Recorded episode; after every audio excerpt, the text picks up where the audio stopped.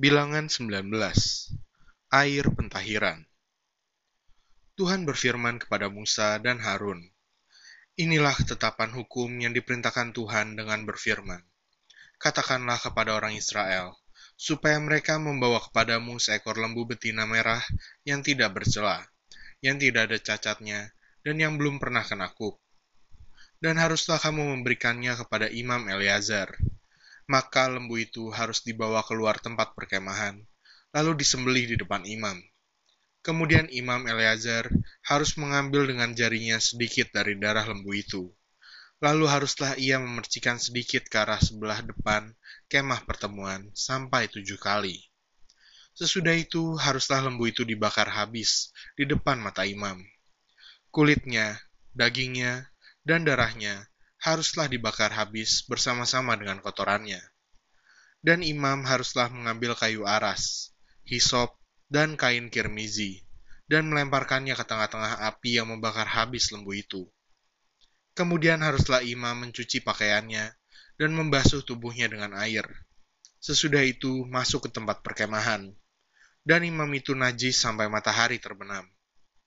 Orang yang membakar habis lembu itu haruslah mencuci pakaiannya dengan air dan membasuh tubuhnya dengan air, dan ia najis sampai matahari terbenam.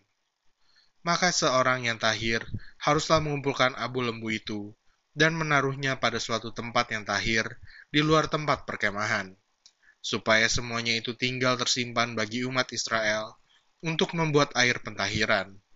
Itulah menghapus dosa dan orang yang mengumpulkan abu lembu itu haruslah mencuci pakaiannya, dan ia najis sampai matahari terbenam.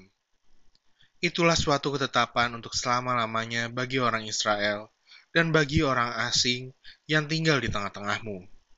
Orang yang kena kepada mayat, ia najis tujuh hari lamanya. Ia harus menghapus dosa dari dirinya dengan air itu pada hari yang ketiga, dan pada hari yang ketujuh ia tahir. Tetapi jika pada hari yang ketiga ia tidak menghapus dosa dari dirinya, maka tidaklah ia tahir pada hari yang ketujuh. Setiap orang yang kena kepada mayat, yaitu tubuh manusia yang telah mati, dan tidak menghapus dosa dari dirinya, ia menajiskan kemah suci Tuhan, dan orang itu haruslah dilenyapkan dari Israel. Karena air pentahiran tidak disiramkan kepadanya, maka ia najis. Kenajisannya masih melekat padanya. Inilah hukumnya. Apabila seseorang mati dalam suatu kemah, setiap orang yang masuk ke dalam kemah itu dan segala yang di dalam kemah itu najis tujuh hari lamanya. Setiap bejana yang terbuka yang tidak ada kain penutup terikat di atasnya adalah najis. Juga setiap orang yang di padang, yang kena kepada seorang yang mati terbunuh oleh pedang, atau kepada mayat, atau kepada tulang-tulang seorang manusia, atau kepada kubur orang itu najis tujuh hari lamanya. Bagi orang yang najis, haruslah diambil sedikit abu dari korban menghapus dosa yang dibakar habis. Lalu di dalam bejana abu itu dibubuhi air mengalir.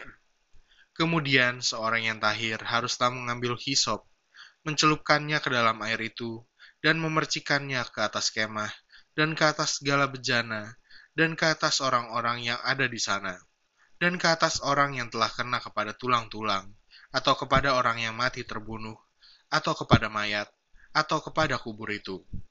Orang yang tahir itu haruslah memercik kepada orang yang najis itu pada hari yang ketiga dan pada hari yang ketujuh. Dan pada hari yang ketujuh itu haruslah ia menghapus dosa orang itu. Dan orang yang najis itu haruslah mencuci pakaiannya dan membasuh badannya dengan air. Lalu ia tahir pada waktu matahari terbenam. Tetapi orang yang telah najis dan tidak menghapus dosa dari dirinya, orang itu harus dilenyapkan dari tengah-tengah jemaah itu, karena ia telah menajiskan tempat kudus Tuhan. Air pentahiran tidak ada disiramkan kepadanya, jadi ia tetap najis. Itulah yang harus menjadi ketetapan bagi mereka untuk selama-lamanya. Orang yang menyiramkan air penyuci itu, ia harus mencuci pakaiannya, dan orang yang kena kepada air penyuci itu ia menjadi najis sampai matahari terbenam.